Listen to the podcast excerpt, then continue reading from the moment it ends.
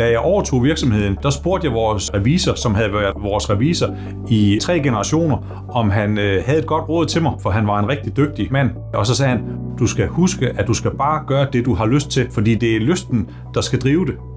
Hver morgen, når jeg står op, så hopper jeg ud af sengen, ud på min cykel og cykler herned, for jeg synes, det er skideskægt at være her. Alle de jobs, jeg har haft, der har lønnen ikke været nummer et, det har ikke været nummer to, det har ikke været nummer tre. Det, som er vigtigt for mig, det er, at det er sjovt at komme på arbejde, og at øh, der er nogle fede mennesker at være sammen med, og man er et sted på vej hen, så kommer belønningen bagefter. Sådan siger Jesper Levin. Jesper Levin bor i Katteminde, og han ejer virksomheden Christian Jul Fiskeeksport. Jeg besøgte Jesper Levin for tre år siden.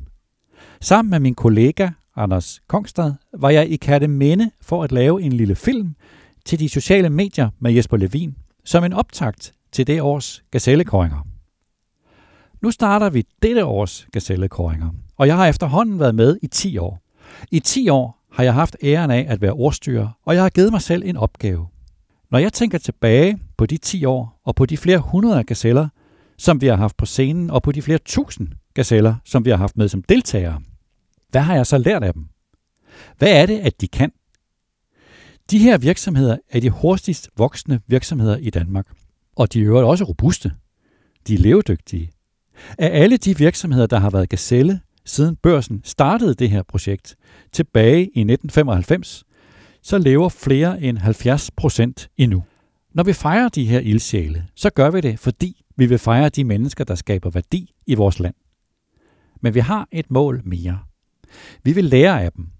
Mit navn er Niels Lunde, chefredaktør på Børsen, og jeg har lagt mærke til noget. Jeg har lagt mærke til, at det er blevet højeste måde hos store virksomheder også store virksomheder i resten af verden, at forsøge at lære af de små virksomheder. Hvad er det, at de små virksomheder er gode til? Det forsøger jeg at blive klogere på i denne udgave af podcasten Topchefernes Strategi, og som et lille eksperiment, så forsøger jeg også at sætte mine jagttagelser af de danske gazeller i sammenhæng med det, som de i lærebøgerne kalder for Founders Mentality, det vil sige ideen om, at en ledelse skal forsøge at tænke, som virksomheden stifter tænkte. Jeg har identificeret tre ledelsesværktøjer, som gazellerne er gode til. Dem kommer jeg til om et øjeblik. Men først har jeg en mere sådan menneskelig iagttagelse. Og den er, at de mennesker, der skaber en gazellevirksomhed, de er begejstrede. De har et særligt menneskeligt engagement.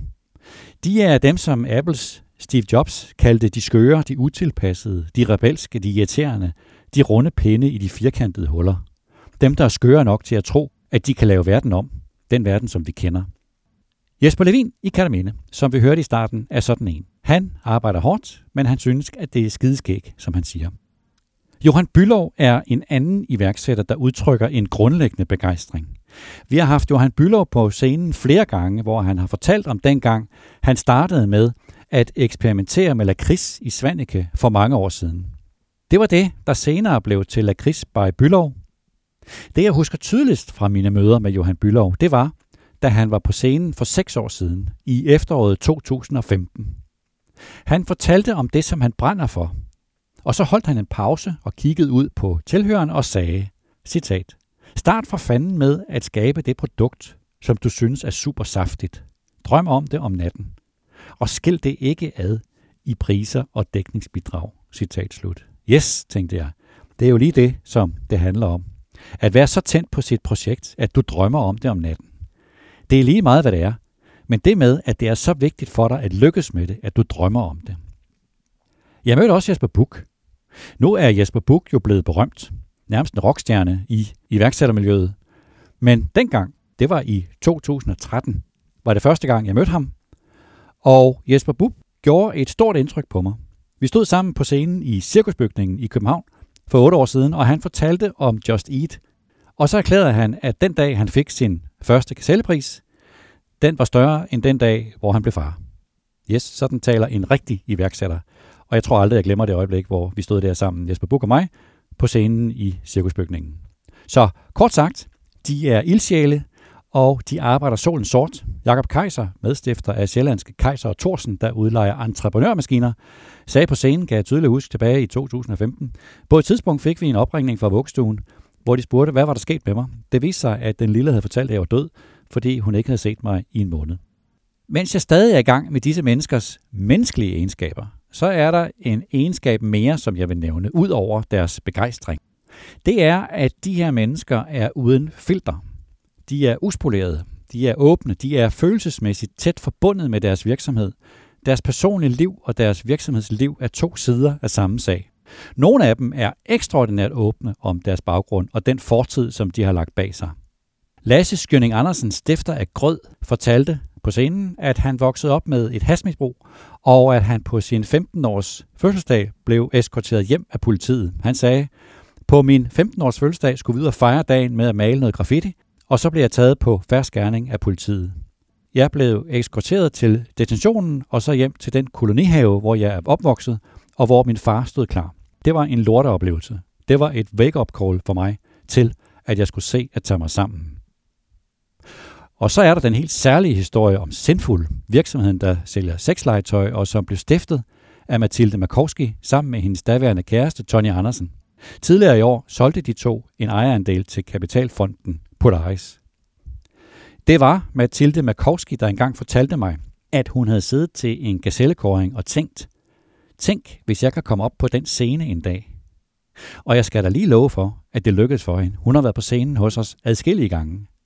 Og det største indtryk, det gjorde Mathilde Makowski på mig, da hun trådte op på en børsenkonference for Gazelle Aspiranter i Aarhus i 2019, hvor hun talte om sig selv, og hvor hun sagde, det lå sgu ikke i kortene, at jeg skulle blive en succes. Jeg var ikke god i skolen, jeg var ordblind, og min far og min stedfar drak. Det var ikke sjovt at se flasken blive valgt i stedet for mig, sagde Mathilde Makowski. Så vidt disse menneskers personlige egenskaber.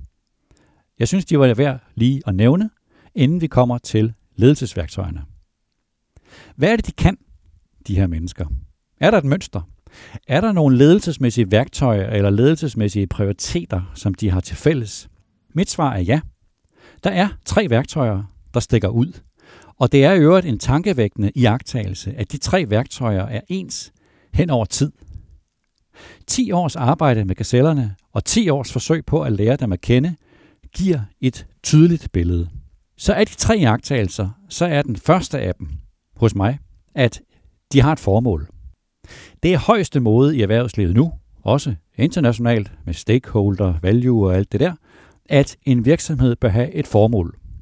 Helst et samfundsnyttigt formål, et såkaldt purpose. Det ved gazellerne godt, og de bedste af dem har ragt ud efter et formål, også før at det blev moderne. Jeg husker tydeligt, da Lars P. Larsen var på scenen i 2015. Jeg kendte ham ikke, men han har startet Duka, som er en forkortelse af Du kan, som er en virksomhed, der hjælper ældre mennesker med at forstå teknologi. Han sagde, jeg fik min idé, da jeg så, at min farmor ikke kunne betjene en PC. Vi brugte et år på at udvikle et produkt til ældre mennesker, og jeg fik en klump i halsen, da jeg fik en mail fra hende. Det var hendes livs første mail, sagde Lars P. Larsen. Det her med at have et formål, det har jeg talt med mange af gazellerne om, også nogle af de mere berømte. Da vi lavede en film med Esben Østergaard, der er medstifter af Universal Robots i Odense, som er et spin-off, som tre nørder fra Syddansk Universitet lavede tilbage i 2005, fortalte han om de robotter, som Universal Robots laver. Jeg spurgte undervejs i interviewet Esben Østergaard om det med formålet, og det havde han et klart svar på. Han sagde, at han vil lave en revolution på fabriksgulvet. Det er hans formål at lave en revolution på fabriksgulvet. Han vil bruge sine robotter til at løfte kvaliteten af arbejdet i fabrikkerne.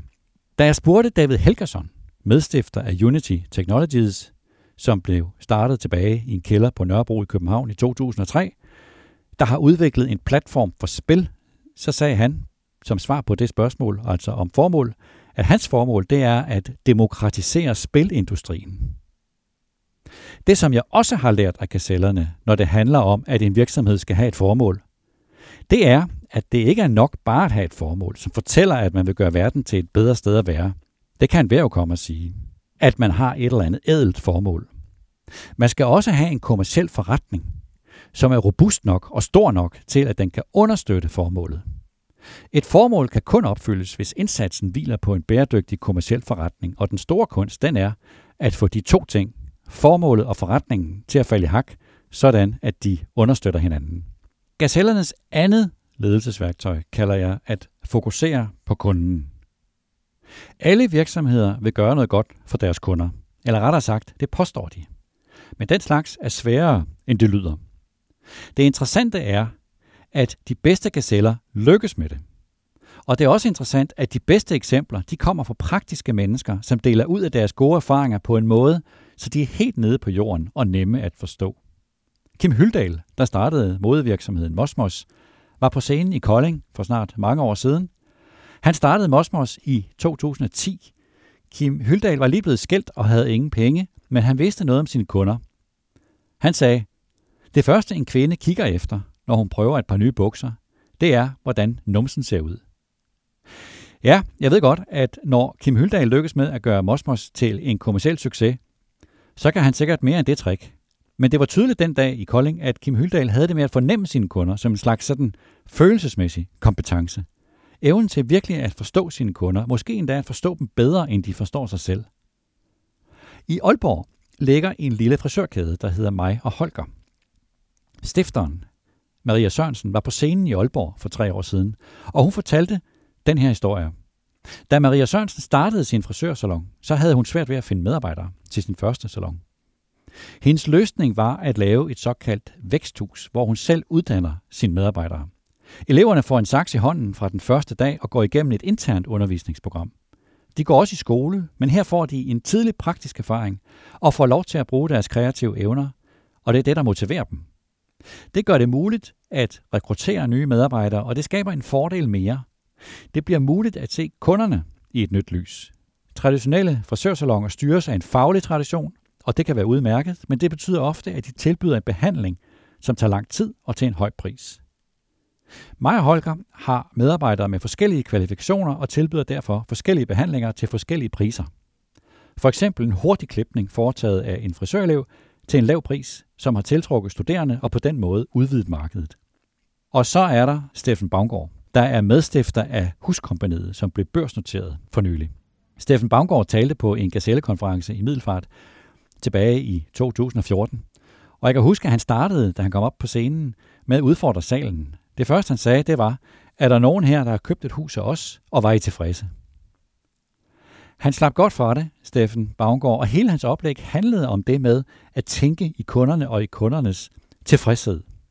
Fem år senere kom han igen på en gazellekonference, og han talte igen om kundefokus og om, at han flere gange dagligt sad og holdt øje med Trustpilot, og at der blev fulgt op på et hvert kritisk indlæg fra kunder, også selvom det er kvævlander. Det er banalt, det er meget banalt, men endnu i vores dage kan service gøres til en konkurrencefordel. Oven på finanskrisen forpligtede huskompaniet sig på nogle få, men enkle kundeløfter. Blandt andet, at huset er færdigt til aftalt tid, og at kunden først skal betale, når huset er færdigt. Den slags er nemmere sagt end gjort. Men kapitalfonden er jo gode til at eksekvere. Da jeg på scenen der for seks år siden spurgte Steffen Baumgaard, hvordan det er at have en kapitalfond som ejer, svarede han, det er som at have en peberrod oppe i en vis lægemsdel. Og da huskompaniet senere blev overtaget af en endnu større kapitalfond, svenske EQT, spurgte jeg Steffen Baumgaard på Twitter, hvordan det føltes, og han skrev tilbage på Twitter, at det føltes som at have en endnu større peberrod oppe i en vis lægemsdel. Det lyder nemt, det med at have fokus på kunderne, men hvis det virkelig var nemt, så ville flere nok gøre det. Så det er min jagttagelse nummer to af kasellerne. De er gode til at fokusere på kunderne, og ikke kun til at tale om det, men også at gøre det i praksis. Det tredje værktøj har jeg kaldt være kompromilløs. Gazellevirksomhederne ledes med en særlig kompromilløshed, enkelhed og handlekraft og indimellem galskab. Og takket være den, så trives de i meget forskellige brancher og i alle egne af landet. Hvad vil det sige, kompromilløshed? Et eksempel på det oplevede jeg, da vi besøgte Robert Hansen i Brændeskov, der ligger lidt uden for Svendborg. Robert Hansen blev til sin egen overraskelse vinder af Gazelleprisen for Fyn i 2017, og det kom helt bag på ham. Og vi var faktisk nødt til at lægge lidt pres på den ydmyge mand for at stille op til et interview, og endda en lille film, og endda gå på scenen i Odense for at modtage prisen. Men det lykkedes heldigvis, så vi var forbi Robert Hansen Maskinudlejning, hvorfra han leger maskiner ud til entreprenørvirksomheder. Der var rigtig mange store maskiner, men virksomheden var helt enkel. Robert Hansens eget telefonnummer står på hjemmesiden, og der var kun én medarbejder, en sekretær. Men, sagde han, når vi bliver ringet op kl. 18 om aftenen, om vi kan stå klar næste morgen kl. 6 i Aalborg eller i Skagen med maskiner og mandskab, så står vi der. Vi besøgte også Rasmus Fejerskov i Thy. Det var ham, der startede Vestvind Klitmøller i Thy, også kaldet Cold Hawaii. Og det er langt væk fra de store byer, skulle jeg hilse sige. Først tog vi et fly til Karup, hvor vi lejede en bil, og så kørte vi op til Klitmøller. Jeg har været alle vegne i Danmark, men den tur, den var længere, end jeg regnede med. Og da vi så kom derop, så viste det sig, at Rasmus Fejerskov jo nærmest har udviklet et helt lokalsamfund i Thy. Og det, der slog mig, da jeg talte med ham, det var også kompromilløsheden. Han så på mig på et tidspunkt, og så sagde han, hvis konkurrenterne arbejder 10 timer i døgnet, så arbejder jeg 12 timer. Hvis de arbejder 12 timer i døgnet, så arbejder jeg 14 timer.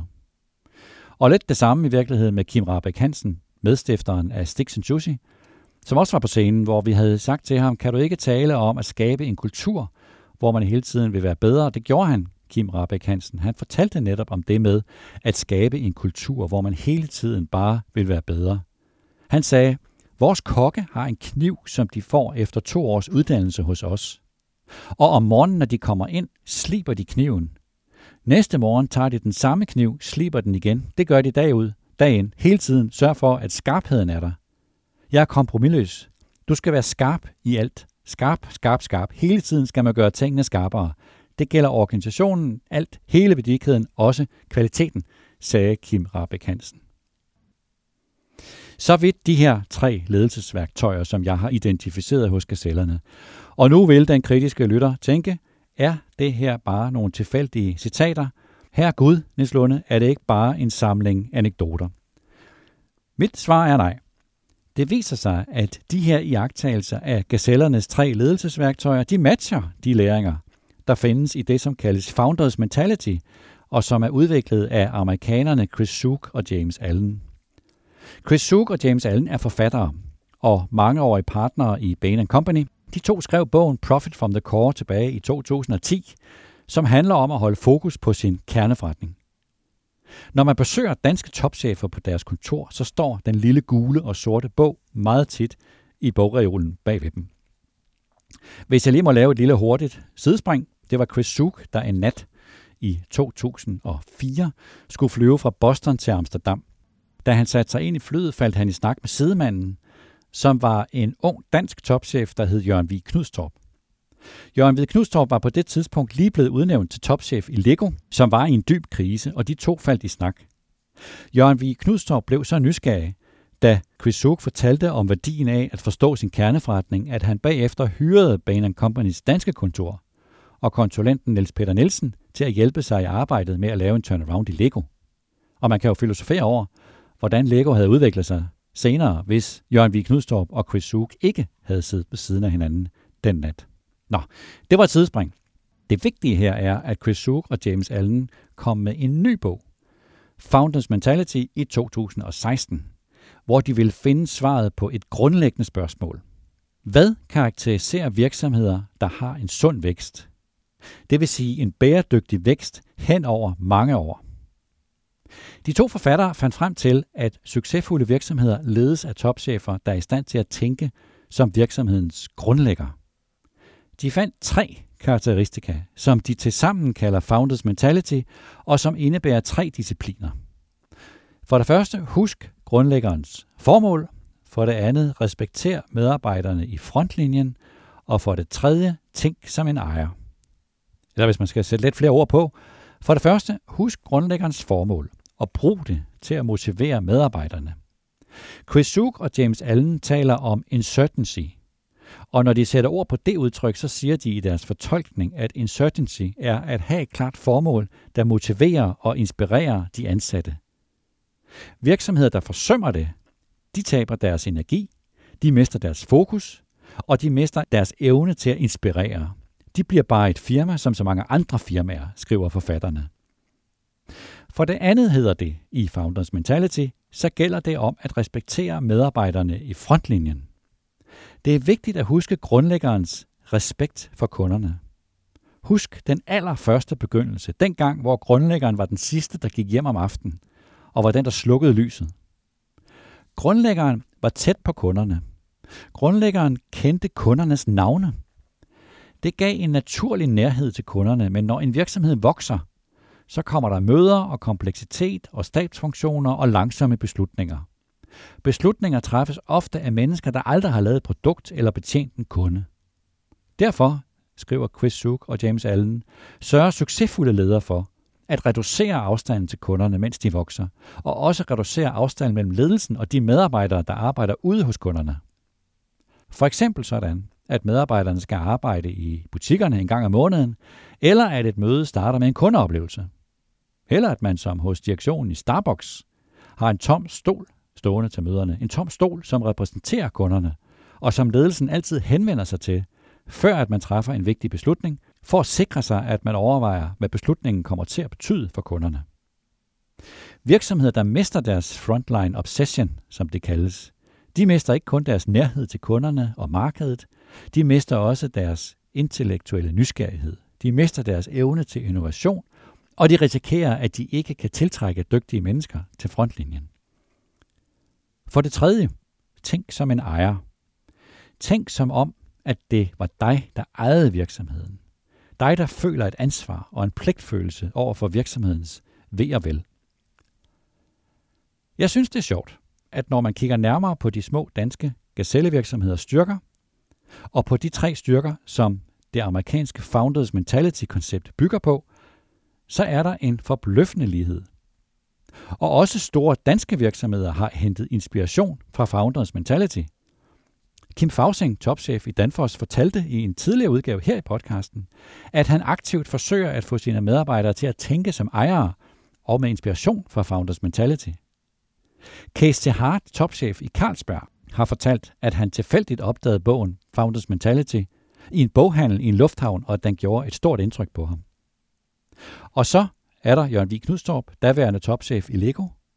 Da han løb ind i en krise for nogle år siden, fortalte han, at han var faldet i den fælde, som Founders Mentality advarer imod, nemlig at når man vokser, så kommer kompleksiteten snigende. Så, konklusionen er klar. I hvert fald hos mig. Store virksomheder kan lære meget af små virksomheder og især af gazellevirksomhederne. Ja, man kan nærmest sige, at med Founders Mentality, så er gazellernes livssyn blevet ført ind i lærebøgerne. De lærebøger, som de store virksomheders topchefer læser. Og nu, nu er det tid til at komme ud på landevejene. 7 i 13. Vi må håbe, at coronakrisen ikke udvikler sig endnu værre de næste uger. Men nu skal vi ud på vores roadshow. Vi starter i Roskilde torsdag, og så fortsætter vi onsdag 24. november i Aarhus, tirsdag 30. november i Aalborg, torsdag 2. december i Odense og torsdag 9. december i København. Alle steder med fejring og inspiration. Det var denne udgave af podcasten Topchefernes Strategi. Tak til Mihe Christensen, der redigerede optagelsen, og tak til dig, der lyttede med.